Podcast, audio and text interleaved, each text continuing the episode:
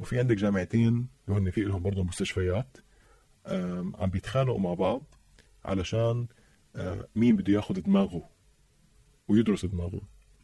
الدكتور حسب حكيه اللي كان يقول لي إياه قال لي إنه هو درس ما بعرف له كم من سنة 20 سنة بالطب.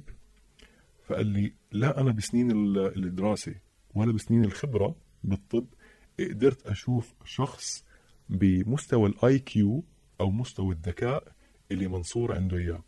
قال لي هذا الشخص يدرس. هذا إبراهيم بطل حلقتنا الأولى من بودكاست صارت معي.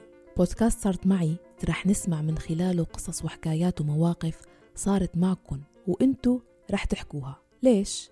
لأنه من حق كل حدا يحكي عن أفكاره وعن مخاوفه عن طموحاته وعن أي شي بيخطر بباله. أحيانا لينقل خبرة ونصيحة. أحيانا ليشعر بالأمان وإنه مش وحيد وأحيانا بس ليحكي ويشعر إنه في حدا سمعه بدون ما يحاكمه.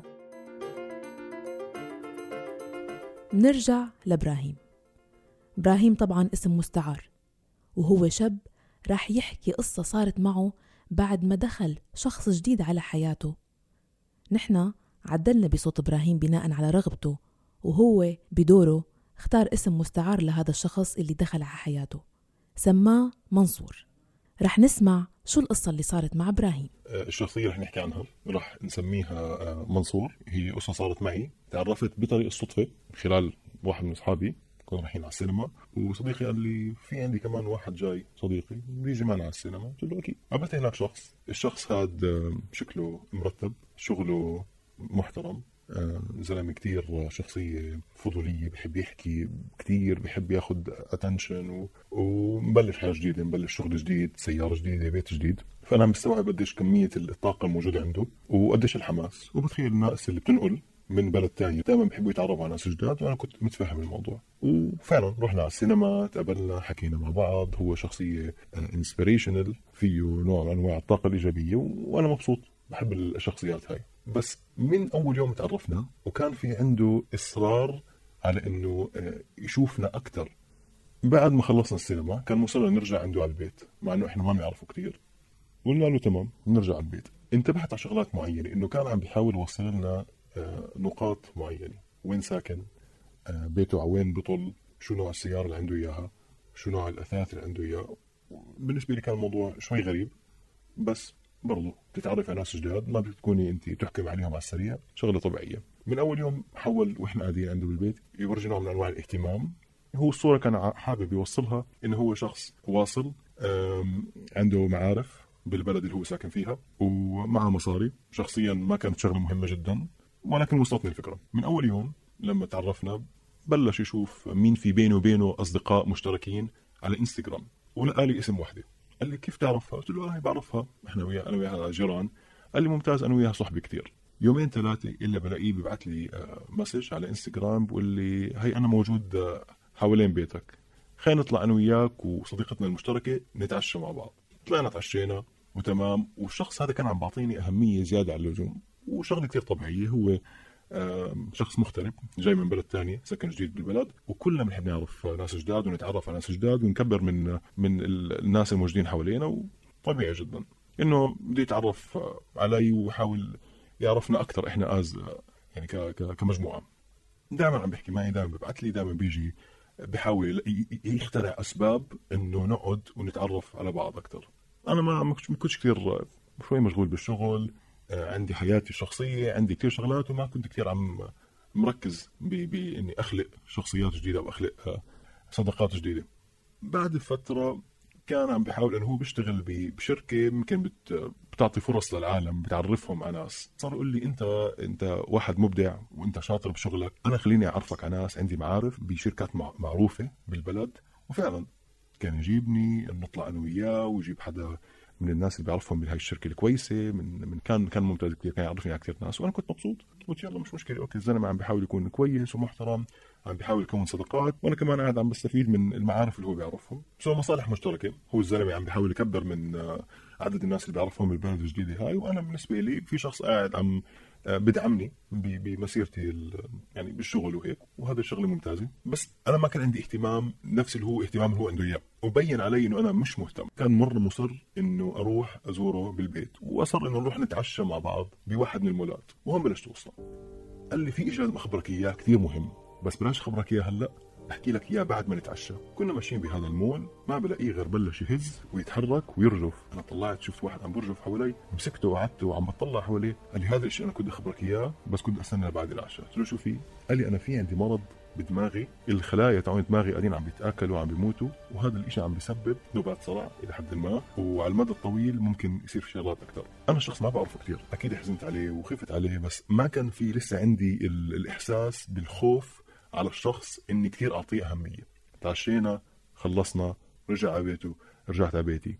مر يوم يومين ما رجعت سألت عنه. حكى معي. قال لي إنه وينك؟ أنا بس حبيت أخبرك إنه رحت إمبارح على المستشفى وفحصني الدكتور وحكى عني إنه البرسنتج نسبة الضرر اللي عندي إياها بدماغي كانت 7% هلا صارت 11% يا زلمة شو اللي صار؟ شو عم قال لي والله هذا اللي عم بيصير. ما بعرف أنا توقعت إنه الخلايا اللي عندي إياها الدمج أو ال- ال- الضرر اللي عم بيصير عندي يكون أقل بس عم بيزيد بزيادة. بعدين قال لي أنا بكرة في عندي كمان موعد مع الدكتور. هلأ هاي كانت بداية الوقت اللي أنا بحس إنه في عندي واجب إني أسأل عنه. فتاني يوم مرحبا كيف حالك؟ منصور طمني شو صار معك؟ قال لي رحت كمان وبده يعملوا لي في دكتور جاي مش من البلد إحنا عايشين فيها من بلد تاني وبده يجي يفحصني كان مصر يضل يحكي لي عن هذا الدكتور. فبعد اللي أنا شفته بالمول صرت حاسس إنه في عندي واجب إني أسأل عنه أكثر بعد ما كمان خبرني إنه في عنده ضرر والضرر عم بيزيد والنسبة عم بتزيد فصار عندي فضول أعرف لأنه هو زلمة محترم كويس وعصامي وبيشتغل على حاله فخليني أتابع شوي الموضوع حكيت معه تليفون شو صار؟ قال لي آه ما فيش ولا دكتور بالبلد اللي إحنا عايشين فيها ممكن يساعدني في آه، أخصائي جاي من بيروت شخصيا ليفحصني لأنه ما فيش ولا أي حدا هون بالدولة عارف يساعدنا. وظل مصر يجيب لي سيرة الدكتور هذا اللي اجى من بيروت. إبراهيم اختار اسم شادي كاسم مستعار للطبيب حتى يسهل عليه إنه يحكي شو صار معه بطريقة واضحة. الدكتور شادي اجى وقال لي إنه لازم أعمل له فحوصات الدكتور شادي قال لي ما اسوق الدكتور شادي قال لي ما أنام لحالي. الدكتور شادي الدكتور شادي. هالاسم انزرع براسي كثير وصفيت أنا دائما عم بحاول أطمن عليه أسأل عنه عشان يعني خاي- خايف. عليه. لحديت يوم من الأيام بيجيني message على واتساب. مرحبا أنا الدكتور شادي من بيروت. أنا الطبيب المعالج لمنصور. قلت له أهلا. قال لي صديقك كثير عنيد صديقك شخصية ما بتلاقي منها بالعالم اثنين. عم بحاول أستفسر منه أكثر عن مرضه بس هو ما عم بيساعدني. لأنه هو عنده برايد عالي. هو فخور جدا بحاله. وهو ما بيرضى إنه يكون المرض قاعد عم بيأكل فيه فمش عم بيساعدني. ممكن أسألك كم من سؤال؟ قلت له أكيد. قال لي من معرفتك فيه. كيف شهيته على الأكل؟ آم، تحسه مثلا بزعل كثير بتضايق كثير ممكن إشي يضحكه بسهولة ممكن يزعله بسهولة. وأنا كنت بجاوب حسب اللي بعرفه. في شغلات كنت أحكي له. آه صح كلامك بحسه بزعل بسرعة أو بتضايق بسرعة. شهيته على الاكل آه يمكن ما باكل كثير كان يسألني ينام بينام كويس. قلت له ما بعرف حسب حكيه إنه ما بينام ابدا. بس أنا ما بعرف إذا هو بينام أو ما بينام. قال لي أنا بدك تدير بالك عليه لأنه هو آه برتاح كثير لإلك. والمرض اللي عنده قاعد عم بيزيد وأنا ما بدي أخبي عليك أنا ما عم بحكي له بس ما بدي أخبي عليك. الزلمة شوي شوي عم بيكون في عنده آه، ضرر بالخلايا الدماغيه وشوي شوي راح يبلش يفقد شغلات. قلت له زي شو؟ قال لي يمكن يبطل يشوف كويس يمكن يبطل يقدر يحرك إيديه ورجليه. ما بنعرف. بدك تدير بالك. قلت له تمام. هلأ نقطة. بهذا ال- الوقت أنا وقفت وطلعت على حالي من المي قلت أنا الحمد لله الله معطيني كثير شغلات. أنا حدا عايش حياتي ومبسوط وأموري تمام. وفكرت إنه يوم من الأيام أبوي سألني. جدي وستي تعبانين وهو بدير باله عليهم كثير. فسألني يوم من الأيام. قال لي هل يوم من الأيام إذا أنا صار فيي هيك وتعبت هل حتوقف معي؟ وأنا بهذاك الوقت عن جد ما عرفت الجواب. هل أنا من الناس الشخصيات اللي ممكن تكون أنانية اللي حيكملوا حياتهم بغض النظر عن الناس اللي حواليهم شو عم بيصير معها؟ والآن من الشخصيات المستعد إنه يضحي بحياته ويعطي من وقته ومن الطاقة اللي عندي إياها لأساعد غيري. ما كنت اعرف الجواب. فلما الدكتور خبرني إنه منصور بيحتاج شوية مساعدة هذا كان الوقت اللي أنا بقدر أثبت فيه لحالي قبل ما أثبت لأي حدا تاني إنه بلا أنا مستعد إنه أعطي من وقتي طاقتي ومن مجهودي لأني أدير بالي على أي شخص بيحتاجني ولأنه حرام شخص بهالشخصية والمثابرة إنه يصير فيه هيك. فانا لما حسيت إنه الحمد لله الله معطيني شغلات غيري ما عنده إياها والصحه الواحد ما بيقدر يتحكم فيها لا المصاري ولا ولا المعارف ولا مين ما كنت تكون. إذا أنت مريض أنت مريض. فأنا قلت من واجبي إني لازم أساعد الشخص اللي بيحتاجني. وفعلا قررت إني أبلش أساعد هذا الشخص زي ما هو كان يحاول يساعدني ويلاقي لي شغل ويلاقي لي مع إني ما كنت أحتاج. قلت مش مشكلة خليني أعطيه أكثر من وقتي. شو رأيكم بقرار إبراهيم؟ هل أنتم مستعدين تعطوا من وقتكم وطاقتكم لتساعدوا وتدعموا شخص تاني يمكن يكون محتاجكم؟ لأي حد ممكن تعطوا وإبراهيم لأي حد وصل مع منصور هل بتساعدوا أشخاص فقط من مبدأ الواجب والمسؤولية حتى لو ما بتجمعكم معهم علاقة وطيدة أو كانت علاقتكم معهم حديثة مثلا شو معيار متانة العلاقات بحياتكم؟ طول مدة العلاقة أم طبيعة الأشخاص أم شو؟ خبرونا بلشت كل يوم أحكي أنا والدكتور بلش الدكتور يسألني أسئلة أكثر وأكثر وأنا أجاوبه. كان كل ما يطلب مني طلب أسويه. أنا عايش بمدينة منصور عايش بمدينة ثانية في فرق بيننا ساعة ساعة ونص. كل ما كان يطلب مني الدكتور أنزل عنده أروح عنده ما كنت أحكي لا كنت دائما أروح عنده أدير بالي عليه أشوف شو بيحتاج. علاقتنا بالدكتور كانت مبنية على سرية مبنية على فكرة إنه بده يساعد منصور بس ما بده يسأله أو يطلب منه طلبات عشان ما يضايقه بزيادة. فأنا كان المفروض إني ما أخبره. بس بعد فترة عرف منصور. الدكتور خبره لمنصور إنه هو بنحكي مع بعض و... وأنا عم بحاول أساعده. فمشينا على هالحال. كل weekend أو كل نهاية أسبوع خميس جمعة سبت بروح عند منصور بنقعد بنطلع بنيجي. كنت كتير أخاف عليه وأدير بالي عليه لأنه حاسس إنه هذا الزلمة حرام هيك يصير فيه. بس دائما كنت أخلي في بيني وبينه مسافة. يعني ما أخبره كتير عن عن حياتي ما بدي خلص. لأنه من الأساس أنا ما كنت شايف إنه أنا وياه ممكن نكون أصحاب أو هذا الشخص أنا بستمتع معاه فعلا. ما كان عندي هذا الشعور. أنا بس كان عندي شعور مش شفقة قد ما هو شعور بالواجب اللي بيخليني إني أساعد غيري. أنا بساعد بحب أساعد الناس اللي بيحتاجوا مختلفة بس دائما كانت طريقتي طريقة المساعدة كانت مبالغ مالية. كنت أعطي برمضان كنت أعطي بي لما أقدر أدفع بدفع. بس عمري ما كنت بساعد الأشخاص بطريقة آه معنوية أو بساعد الناس ب... أنا بجهدي بوقتي فعلا كنت حاسس كنت حاسس بالمسؤولية تجاه تجاه شخص بيستاهل إني أساعده وما بدي أي أي مقابل منه بس إنه أكون موجود. وهذا الشيء كلفني كلفني أصدقائي لأنه هو كان مأكد علي ومحرج علي ما تخبر حدا. ما بده لا اي حدا من أصحابنا ولا بده مديره ولا بده أهله ولا بده أي شخص يعرف المرض اللي عنده إياه. قال لي أنا كان زمان عندي أمراض وقدرت أمشي بحياتي وأتخطاها وأشفى من غير ما أي حد يعرف. بدي أعمل نفس الشيء. من عشر سنين كان عنده مرض تجاوزه من غير ما أي حد يعرف. بده يعيد كمان مرة لأنه هو شخص قوي وهو شخص مثابر وبده يكمل حياته. أجا عيد ميلادي. هداني هدايا كتير. ما تقبلتهم. مش متعود حد يعطينا هالهدايا.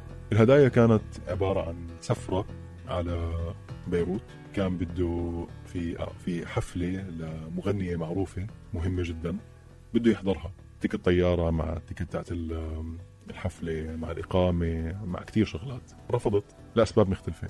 واحد ما بدي أسافر معه. إذا إذا اخترت أسافر ما بدي أسافر معه. مبالغ كتير عالية. ما حرضى إنه حد يدفعها عني. بدي أدفعها أنا. ومش جاهز إني أدفع هالمبالغ هلأ. ما ما في داعي. عندي شغل كتير. ما بدي أسافر. ما في داعي.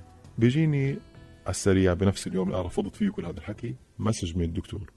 بيحكي لي منصور بيحتاجك. منصور بيحب ال- المطربة هاي وحابب يحضرها قبل ما يتوفى.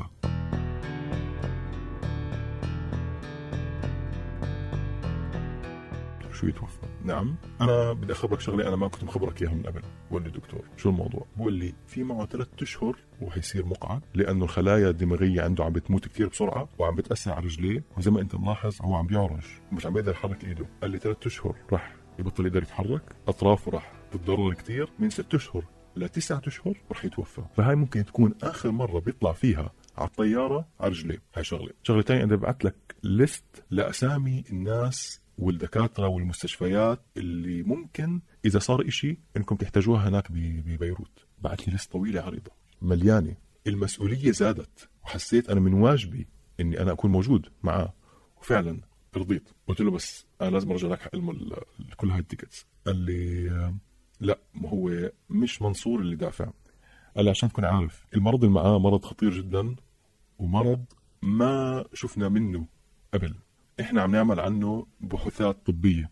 والمصاري اللي مدفوعة لإلك أو مدفوعة حق الإقامة والسفر وهيك هاي من ال- الجامعة اللي هي عم تعمل هذه البحوثات لأنه إحنا عم نعمل بتعرف عم بدفعوا مصاري للبحث بدل البحث. قلت له ماشي حروح والله سافرنا هناك. رحنا على بيروت. كنت أنا مزعوج جدا بس لازم أروح. كان عندي طلبات معينة زي إنه بدي آخذ غرفة لحالي ما كان في. بدي تختين وبرضه ما كان موجود. مش مشكلة. رحنا كان أول كم من يوم. حلو. كان أي شيء الدكتور يحكي لي إياه أشوفه بمنصور. في ليلة من الليالي كنت نايم مبسوط مرتاح الدنيا حلوة. بحس في إشي غريب عم عم بلمسني فتح عيوني بشوف حاطط إيده على محل مش المفروض يكون حاطط إيده فيه. بقوم بصيح وبضربه. خفت قمت بهدلت صيحت. سحبت حالي ونزلت طلعت من الغرفة. رجعت ما لقيت موجود بالغرفه طلع اختفى. ممتاز. فتت سكرت حالي الباب. ما بعرف كيف نمت. نمت. مع إنه كنت كثير مسموم بدني وكثير مش راضي باللي صار بس نمت. صحيت ثاني يوم الصبح بلاقي في رح نتابع الأسبوع القادم شو صار مع إبراهيم بعلاقته مع منصور. وضليتني ب- بهذه الطريقة من شهر 10 2018 لشهر 8 2019 وأنا يوميا عم توصلني مسجات يوميا عم توصلني تهديد. إن كان آه، ممكن أوصل ألاقي إشي تحت سيارتي إشي على باب البيت. نحن بانتظار أسئلتكم وقصصكم إذا كان عندكم رغبة بالمشاركة راسلونا عبر الواتساب على الرقم 00971 568 531 592 إلى اللقاء.